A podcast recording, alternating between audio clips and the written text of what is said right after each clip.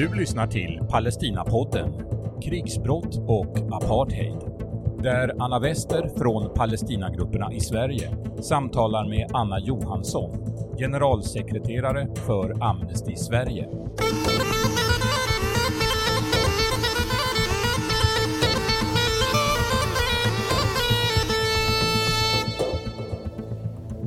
Välkommen till Palestinapodden. Anna Johansson som är generalsekreterare för Amnesty Sverige. Vi är jätteglada att ha dig med. Det känns roligt att få vara här. Jag tänker att Amnesty måste väl ändå vara en av världens mest kända och respekterade människorättsorganisationer. Samtidigt så kan jag föreställa mig att du har en pitch så att du ändå kan förklara och berätta lite kort vad Amnesty är och står för. Mm. Ja men precis, vi, vi säger ju faktiskt att vi är världens största människorättsorganisation. Vi bildades 1961 och vi är 10 miljoner medlemmar och supporters i över 70 länder. Och vårt uppdrag eh, är ju att bevaka, utreda och agera på människorättskränkningar. Vår vision är helt enkelt att mänskliga rättigheter ska gälla alla, nu och i framtiden. Ja, och eftersom det här är Palestinapodden så blir det ju speciellt fokus då på Palestina och Israel idag. Precis. Palestinapodden är inte en nyhetspodd och det är ju av flera anledningar. Eh, kanske framförallt för att nyheter i Palestina och Israel ofta blir gamla fort eller att akuta fokusområden kan skifta från Västbanken till Gaza och Jerusalem på bara några dagar. Men det är också att vi vill dyka in på djupet i olika frågor och framförallt lyfta fram våra gäster. Men nu när vi sitter här i Forum Civs poddstudio i Stockholm så är situationen väldigt speciell och då på ett dåligt sätt. Det är oktober och kriget i Gaza rasar för fullt. Civilbefolkningen i Gaza som är instängda utsätts i detta nu för brutala bombattacker som har pågått i eh, mer än två veckor.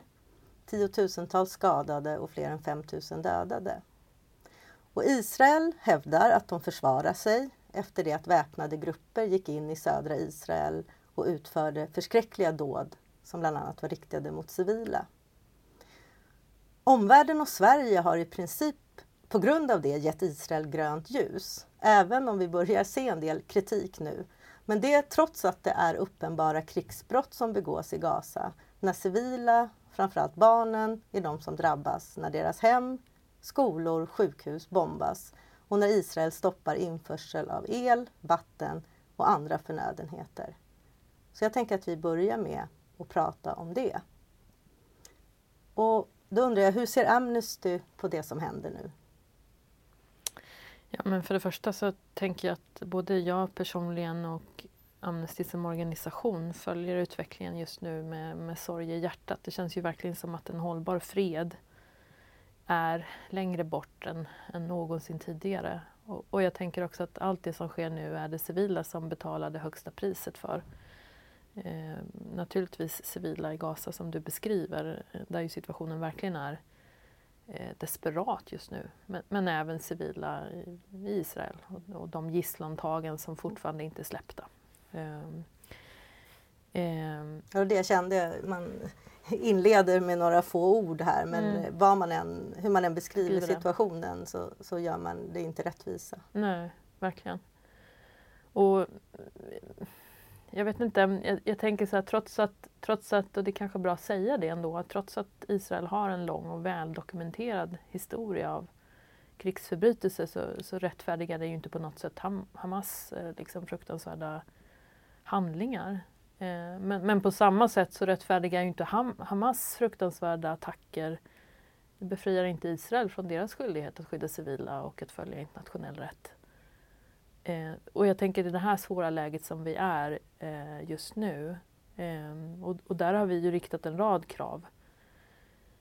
Krav på, mot Israel att mm. upphöra med sina urskillningslösa bombattacker, att släppa fram humanitär nödhjälp eh, krav på Hamas att släppa gisslan och också sluta skjuta raketer in mot civila.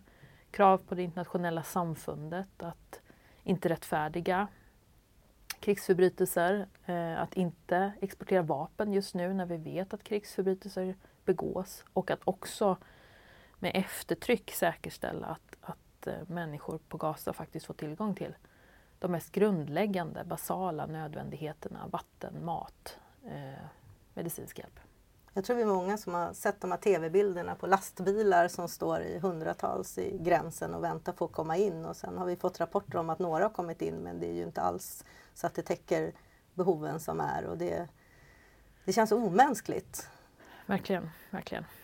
Och jag, jag har ju en eh, jag har ju kollegor som, som jag säkert många av oss har på plats som ju också beskriver en, en fasansfull situation. Eh, både det här med att det saknas vatten och det saknas mat men, men också att så många människor nu befinner sig, är hemlösa och befinner sig på flykt och att det skapar sån fruktansvärd oro och ångest. Människor har ju ingenstans att ta vägen, det finns ingenstans att söka skydd, det finns ingenstans att fly till. Eh, och, och det, det, är ju en väldigt speciell situation. Mm. Eh, när de här bombningarna inte upphör och de pågår och samtidigt har människor ingenstans att, ta vägen. Jag sa i inledningen att många länder då har gett grönt ljus till Israel eh, och till och med hävdar att det här så kallade svaret då på de här väpnade gruppernas förbrytelser, att det skulle vara proportionerligt. Vad säger Amnesty om det? Är det ett problem att det ensidigt riktas fördömande mot Hamas som ju är en väpnad grupp? Ja men självklart är det ett problem. Ehm, jag tänker att den internationella humanitära rätten gäller ju alla parter.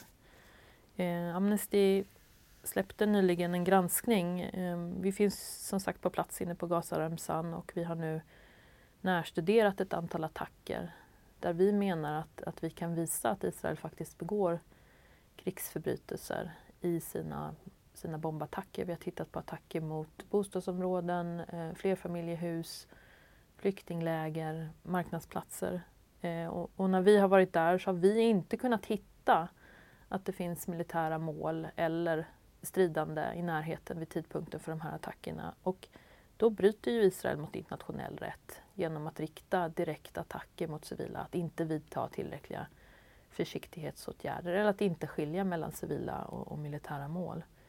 Ehm, så att, så att jag skulle säga så här att det är bra att, att Tobias Billström, vår utrikesminister, att EUs ministrar fördömer Hamas och fördömer de krigsförbrytelser som Hamas begår. Men självklart får man inte heller legitimera de krigsförbrytelser som begås av den israeliska sidan. Här måste man vara lika tydlig. Civila ska skyddas och säkerhet kan inte användas som, ett, som en förevändning för att bryta mot eh, grundläggande mänskliga rättigheter eller bryta mot krigets lagar. Eh, jag, tänker det här liksom väldigt basala, ett barn på Gazaremsan är naturligtvis precis lika skyddsvärt som ett mm. barn i Israel. Mm. Eh, något annat är ju inte accepterbart. Och det bästa vore väl då att utreda då krigsbrotten eh, eller krigsförbrytelserna då som som har begåtts istället för att försöka heja på någon sorts hämnd. Verkligen, verkligen. Och jag tänker att just nu pågår ju en utredning som den internationella brottmålsdomstolen har öppnat. Den, den, den öppnades ju inte 7 oktober, den har ju pågått under ett antal, ganska lång period. Och att Amnesty uppmanar ju ICC, internationella brottmålsdomstolen, att också eh, ta hänsyn till de här senaste händelserna och också, också utreda dem eh, huruvida de faktiskt utgör krigsbrott, så som vi menar att de mm. gör. Mm.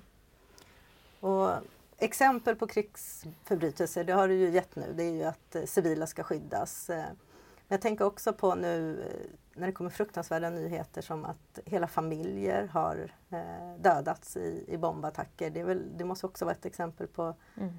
en krigsförbrytelse till exempel. Ja men det handlar ju om det här med proportionalitet. Dels får man ju aldrig rikta direkta attacker mot civila och civila mål. Eh, så det är ju det är ett brott mm. mot krigets lagar i sig.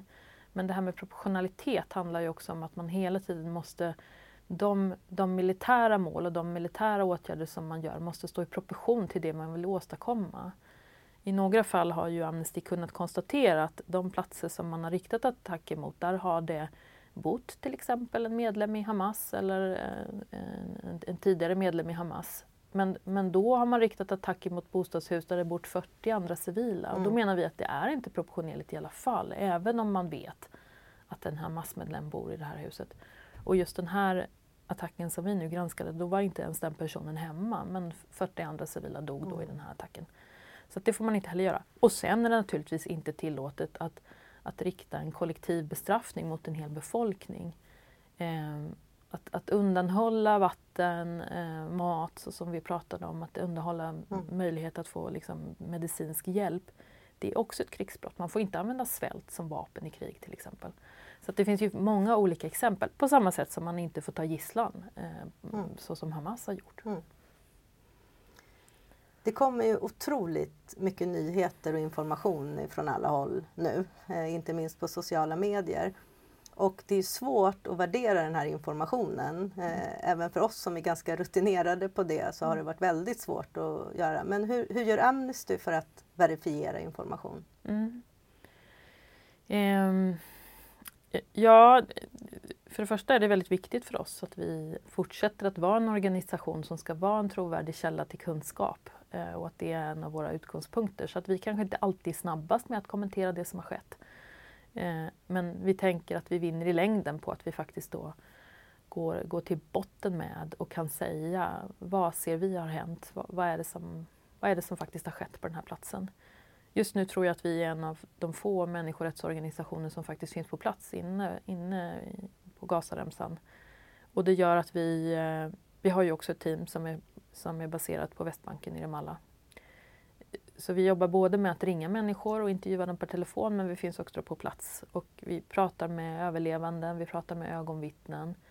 Vi eh, dokumenterar olika mm, föremål som vi kan använda för att identifiera vad det är för typ av stridsspetsar man har använt till exempel.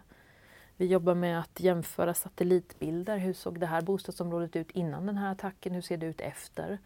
Eh, och vi försöker verifiera eh, bilder som laddas upp på sociala medier, Mm. videos som laddas upp på sociala medier. kan man göra på olika sätt, både med de olika stämplarna som finns i det men också titta till exempel jämföra vädret. Var det verkligen soligt Mm. den här dagen? Kan det ha, liksom, stämmer, stämmer väderstrecken på den här bilden? Kan det vara taget från den här platsen? Visade det den bakgrunden som det säger att det visar och så vidare.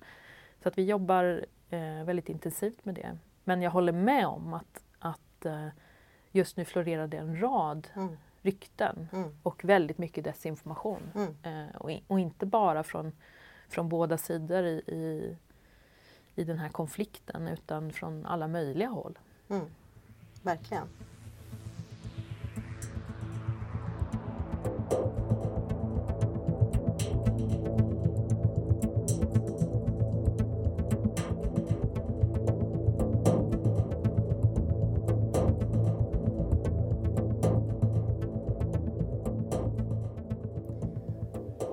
Nämnde det att ni ställer krav. Eh, men hur, hur tycker Amnesty att det internationella sam, samfundet bör agera i det här läget, i det akuta läget? Eh, men också vilka rekommendationer och krav ställer ni långsiktigt?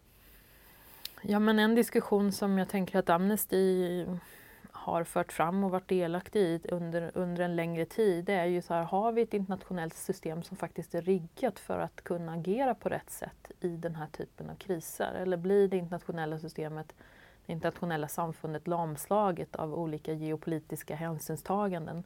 Jag tycker vi har sett det även i andra konflikter, att att eh, länder i säkerhetsrådet lägger in sina veto, inte på grund av liksom, principiella skäl utan att man tar hänsyn till sin egen position, sina egna intressen. Eh, och det, det tycker jag är ett samtal som, som vi behöver fortsätta ha. Är det så att vi har ett system som faktiskt hjälper oss att stoppa förödelse, som skyddar civila, som säkerställer att människor inte utsätts för, för massiva övergrepp? Eh, jag, jag är tveksam. Mm. Men, men samtidigt har vi ju inget annat system än det vi har idag. Eh, och jag tror att en av, av Amnestys styrkor är ju ändå att vi finns på plats 70 olika länder och att vi har relationer till, till makthavare och beslutsfattare på en rad olika platser. Så har jag ju en kollega i USA som ri- riktar Mm. kritik mot president Biden och säger att president Biden inte heller får ge Israel grönt ljus för att, för att göra vad som helst. Eh, och det där att vi kan koordinera oss och, och prata samtidigt på en rad olika platser med en rad olika makthavare tror jag är en av våra styrkor. Men eh, sen är det inte alltid så att, att människor lyssnar för det. Eh, så att säga. Men, men jag tänker några av de sakerna som vi har fört fram som, som liksom tydliga rekommendationer. Vi har ju ställt krav till Hamas. Vi menar att de omedelbart och ovillkorslöst måste släppa gisslan. Eh, vi har ställt krav på Israel att de omedelbart måste upphöra med sina urskillningslösa bombningar av Gaza. Vi menar att den här evakueringsorden, eh, om man nu kan kalla den den, egentligen mm. kanske utgör ett exempel på tvångsförflyttningar, att den bör dras tillbaka. Eh, det här kravet i internationell rätt på att, på att stater måste skydda civila, det hänger ju samman med att civila också ska kunna söka skydd. Och om man då utför en evakueringsorder utan att, att människor har någonstans att söka skydd, då är den meningslös. Då, då har man inte uppfyllt de här kraven på att, på att vidta försiktighetsåtgärder. Så det är någonting vi också ställer som krav på, på Israel. Vi har sagt att det är oerhört viktigt att den humanitära hjälpen släpps fram. Eh, att människor får rätt till vård, att skadade får rätt till behandling. Jag tycker, vi får ju rapporter just nu inifrån Gaza att, att människor inte eh, bränsle börjar ta slut, man kan inte vårda skadade längre, man har inte tillgång till, till eh, narkos, till läkemedel, till smärtstillande. Eh, det är naturligtvis väldigt allvarligt. Mm. Eh, och jag tänker också att, att, att bryta den här, vi, vi pratade ju om den här blockaden av Gaza, den har ju pågått i 16 mm. år. Mm. Den är olaglig i sig, mm. alldeles oavsett vad som hände den 7 mm. oktober. Eh, att bryta den luftsjö och, och landblockaden Eh, som ju, vi, vi återkommer till det, men jag tänker mm. att den också utgör en del av, av mm. det här mm. apartheidsystemet som Amnesty mm. menar råder i Israel och på mm. de ockuperade områdena. Ja, att människor faktiskt lever instängda i Gaza. Det är inte någonting vi bara slänger oss med utan det är verkligen så. Det är verkligen så. och att unga så. människor i Gaza har eh, aldrig upplevt fred eller frihet utan Nej. många bombattacker och också när bomberna inte faller som de gör nu så innebär det inte att det är fred eller lugnt. Nej. Och så tänker jag en annan, en annan viktig aspekt är ju att, att vi ser nu att flera länder begränsar möjligheten att demonstrera för att mm. visa stöd för just Palestina. Och jag tänker att det är väldigt viktigt att, att stater faktiskt skyddar människors möjlighet att uttrycka sorg, att uttrycka oro, att uttrycka solidaritet. Eh, och att, att begränsa yttrandefriheten, att begränsa demonstrationsfriheten, vi menar ju att det är inte rätt sätt att komma till rätta med antisemitism eh, eller diskriminering som riktas mot, mot eh, judar till exempel. Det kräver andra åtgärder. Eh, och det finns ju flera, flera eh, stater i Europa som har gjort det här. Tyskland, mm. Frankrike, Schweiz. Jag, jag, tycker att jag hör oroväckande tecken även i Sverige på att man, man lutar åt det hållet. Mm. I alla fall så har många påverkats av, av det som händer i andra länder och känner en stor oro. Eh, och som du säger att, att vi börjar se tendenser. Ja. På samma sätt som, som naturligtvis vi inte kommer åt eh, islamofobi genom att begränsa mm. yttrandefrihet och, och demonstrationsfrihet eh, där. Så att säga. Det, det kräver helt andra åtgärder.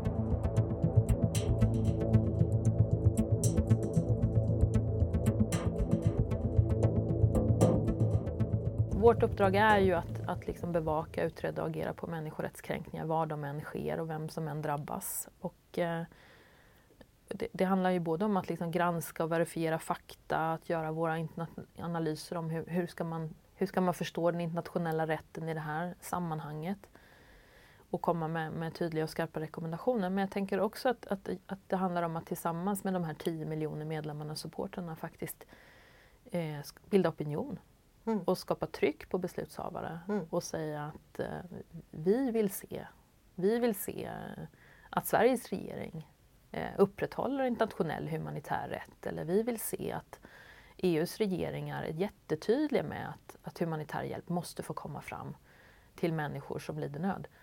Så det är ju också en viktig del av vårt uppdrag, att vi inte bara blir expertorganisationen, vi är också en människorättsrörelse som agerar i solidaritet med människor mm. som drabbas. Mm. Ja precis, ni har ett upprop nu som, som sprids som mm. man kan skriva under. Ja precis, om man går in på vår hemsida amnesty.se så finns det där.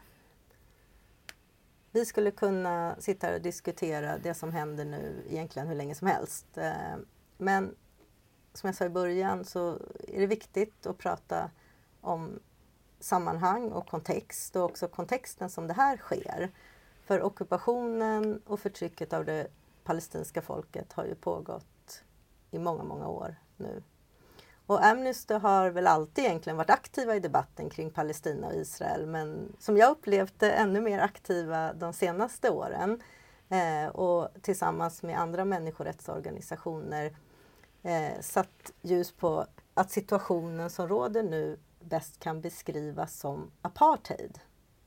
Och i februari 2022 så släppte Amnesty en rapport om det här som har fått stor uppmärksamhet, men ändå för lite uppmärksamhet tycker vi då. Men om vi ägnar lite tid åt, mm. åt det eh, och apartheidbegreppet. Och vi börjar med att reda ut vad är apartheid enligt internationell lag? Mm. Nej, men apartheid definieras ju på, på två sätt. Dels i apartheidkonventionen från 1973 och dels som ett brott mot mänskligheten i Romstadgan från, från 1998.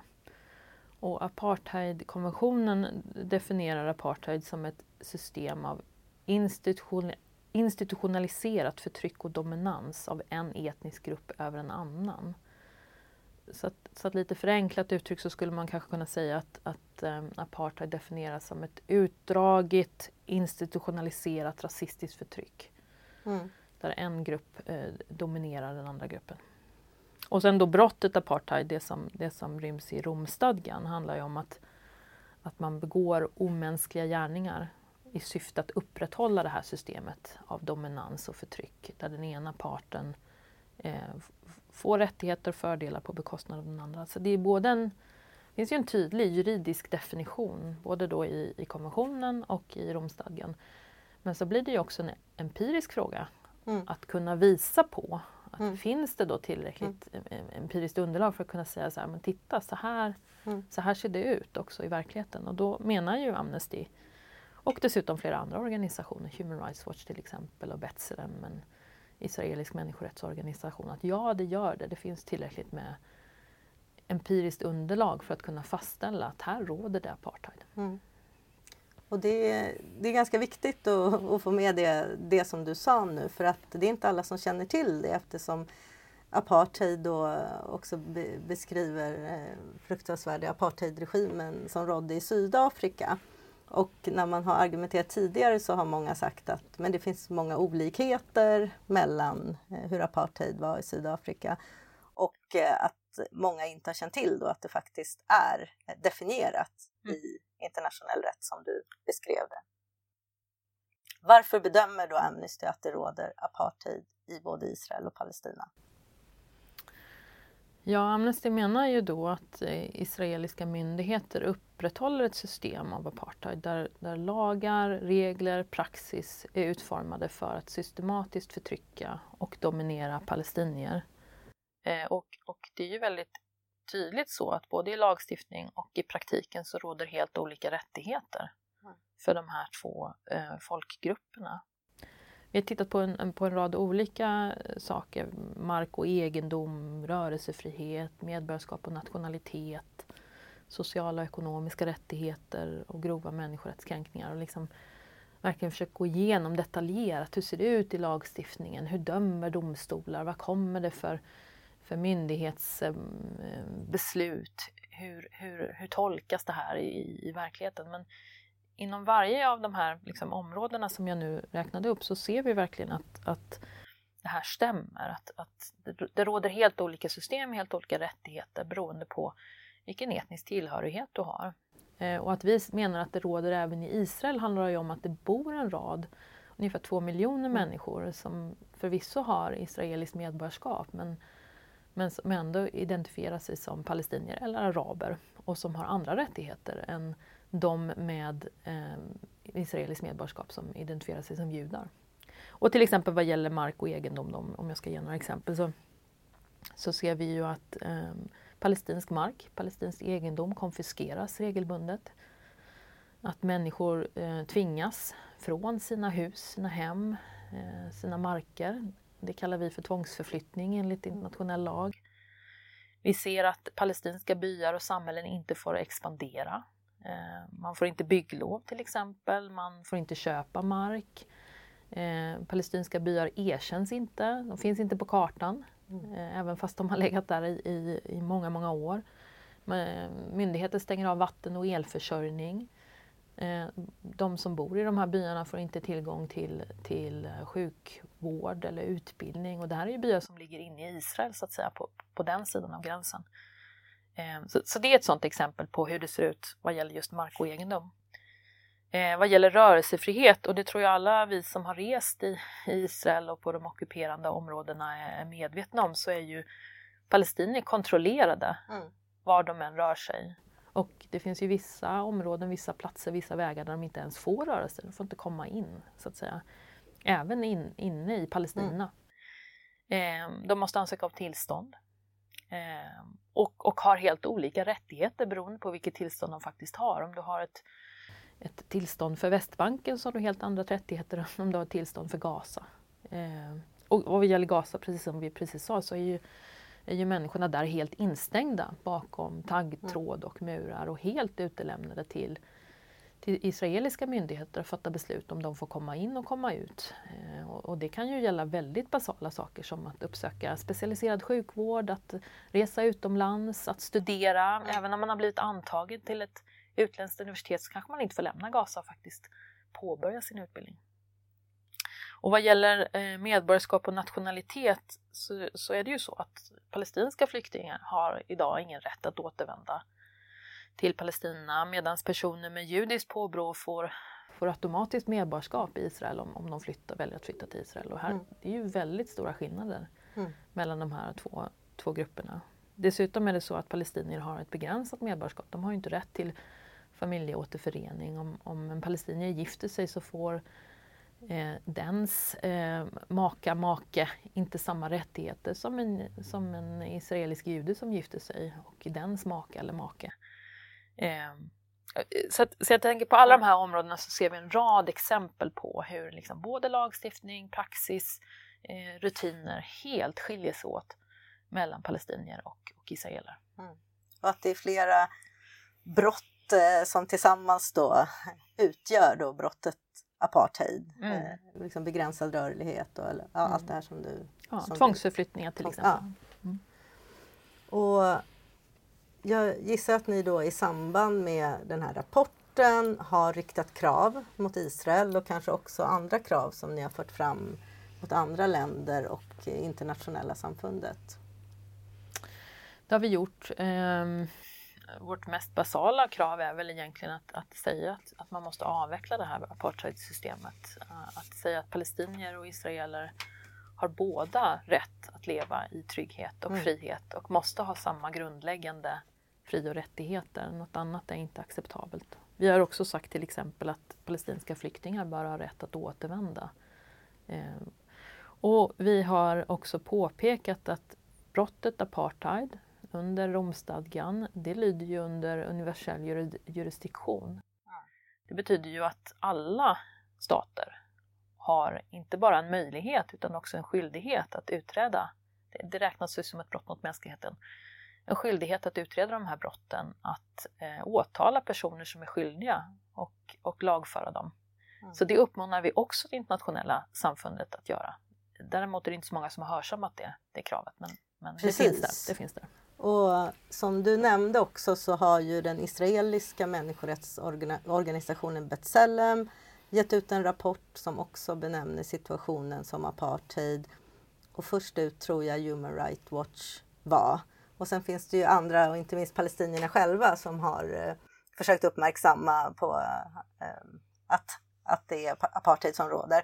Men precis som Amnesty så är de här två eh, MR-organisationerna Eh, sådana som politiker i Sverige vanligtvis refererar till och har väldigt stor respekt för. Eh, men det känns som att den här rapporten inte riktigt togs emot med öppna armar och jag undrar varför tror du att det har varit svårt för många politiker att ta till sig de här rapporterna och prata om apartheid?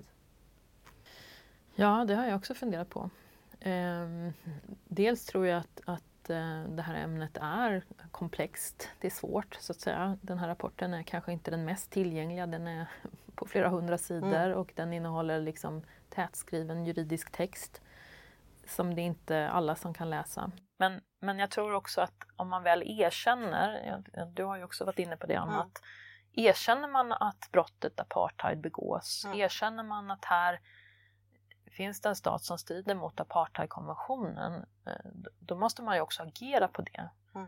Och det tror jag många stater eh, har svårt att göra. Mm. Eller, eller har svårt att veta hur ska man agera på det? Vad mm. blir nästa steg? Så. Mm. Sen har jag eh, ibland när jag har pratat om det här så, så får jag ofta frågor men om vi säger att det är apartheid och vi ska ha en lösning, behöver det betyda att eh, det är bara en enstatslösning som är, eh, som är det enda svaret? Men så är det ju inte och det skriver ju också B'Tselem väldigt tydligt. Verkligen, jag tänker att det egentligen inte det är inte samma sak, så att säga, eh, utan två helt olika saker. Eh, och, och återigen, Amnesty säger ju också att, att eh, både det judiska folket och det palestinska folket naturligtvis har rätt till självbestämmande, mm. har rätt till att leva i trygghet, säkerhet och frihet. Mm. Men det här handlar om att grundläggande mänskliga fri och rättigheter också måste tillerkännas palestinier mm. som idag har väldigt begränsade rättigheter både i sitt eget land och i Israel. Ja, och det är ingen motsättning heller att fortsätta prata om ockupationen och situationen som råder eh, på plats och att det faktiskt nu är apartheid. För en fråga som man kan ställa sig annars är, en ockupation är ju tänkt att vara tillfällig. tillfällig. Mm. Eh, och den har pågått väldigt många år nu. Ja, sedan 1967.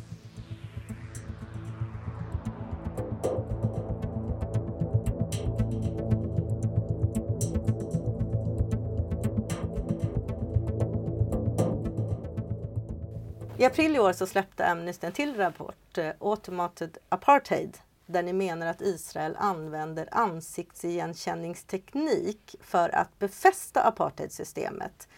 På vilket sätt så kränker ansikt, ansiktsigenkänningsteknik mänskliga rättigheter för palestinier? Mm.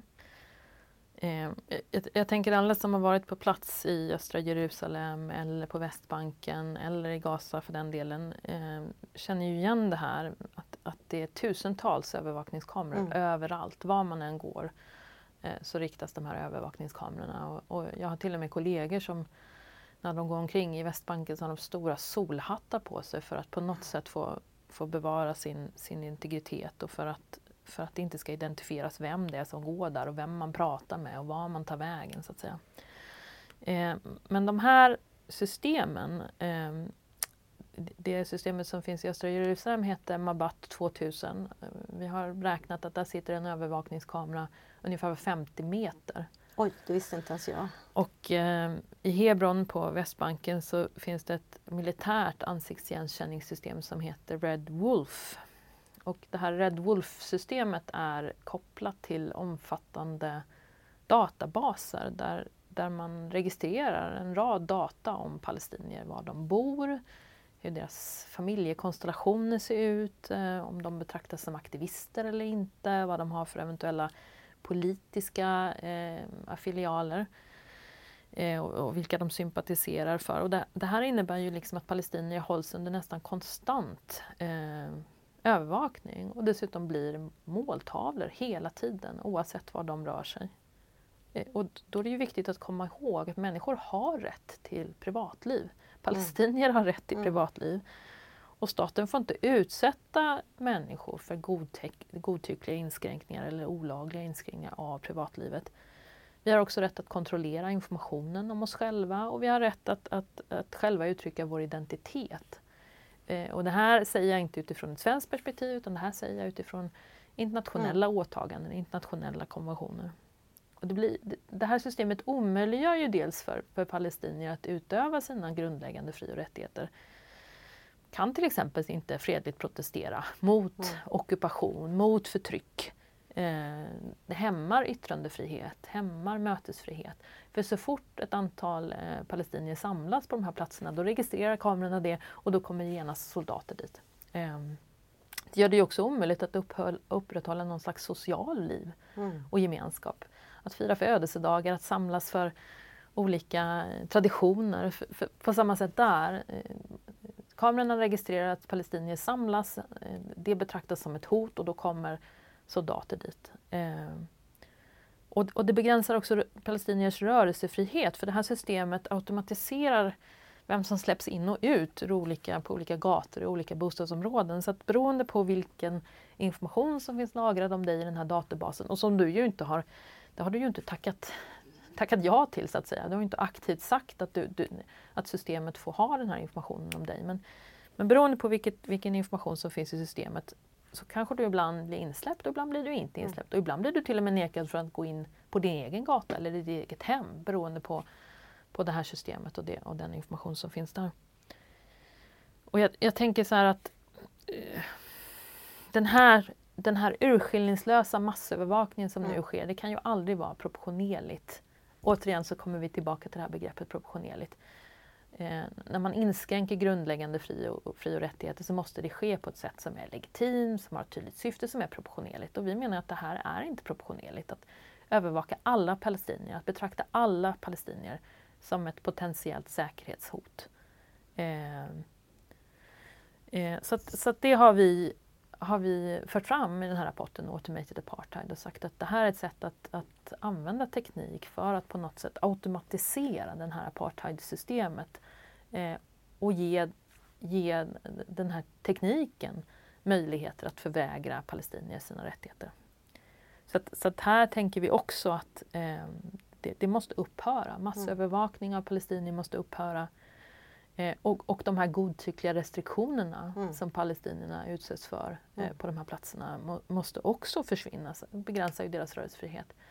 Men, och dessutom har vi sagt att all den här datan, all den här informationen mm. som nu har samlats in olagligen, mm. den måste ju förstöras. Mm. All den här biometriska datan som, som palestinier inte har godkänt eh, måste förstöras. Eh. Jag tänker bara på hårda regler i Sverige för att sätta upp en övervakningskamera och eh, alla lagar som finns i EU Verkligen. för att respektera. Verkligen. Och varje gång du in, går in på en hemsida så ska du tacka ja till om ja. du godkänner kakor ja. eller inte. Här har vi alltså kameror som riktas rakt in i människors hem, ja. i människors trädgårdar, i människors skolor och vardagsrum eh, som de inte har någon som helst kontroll över. Eh, och, och det är inte acceptabelt menar vi.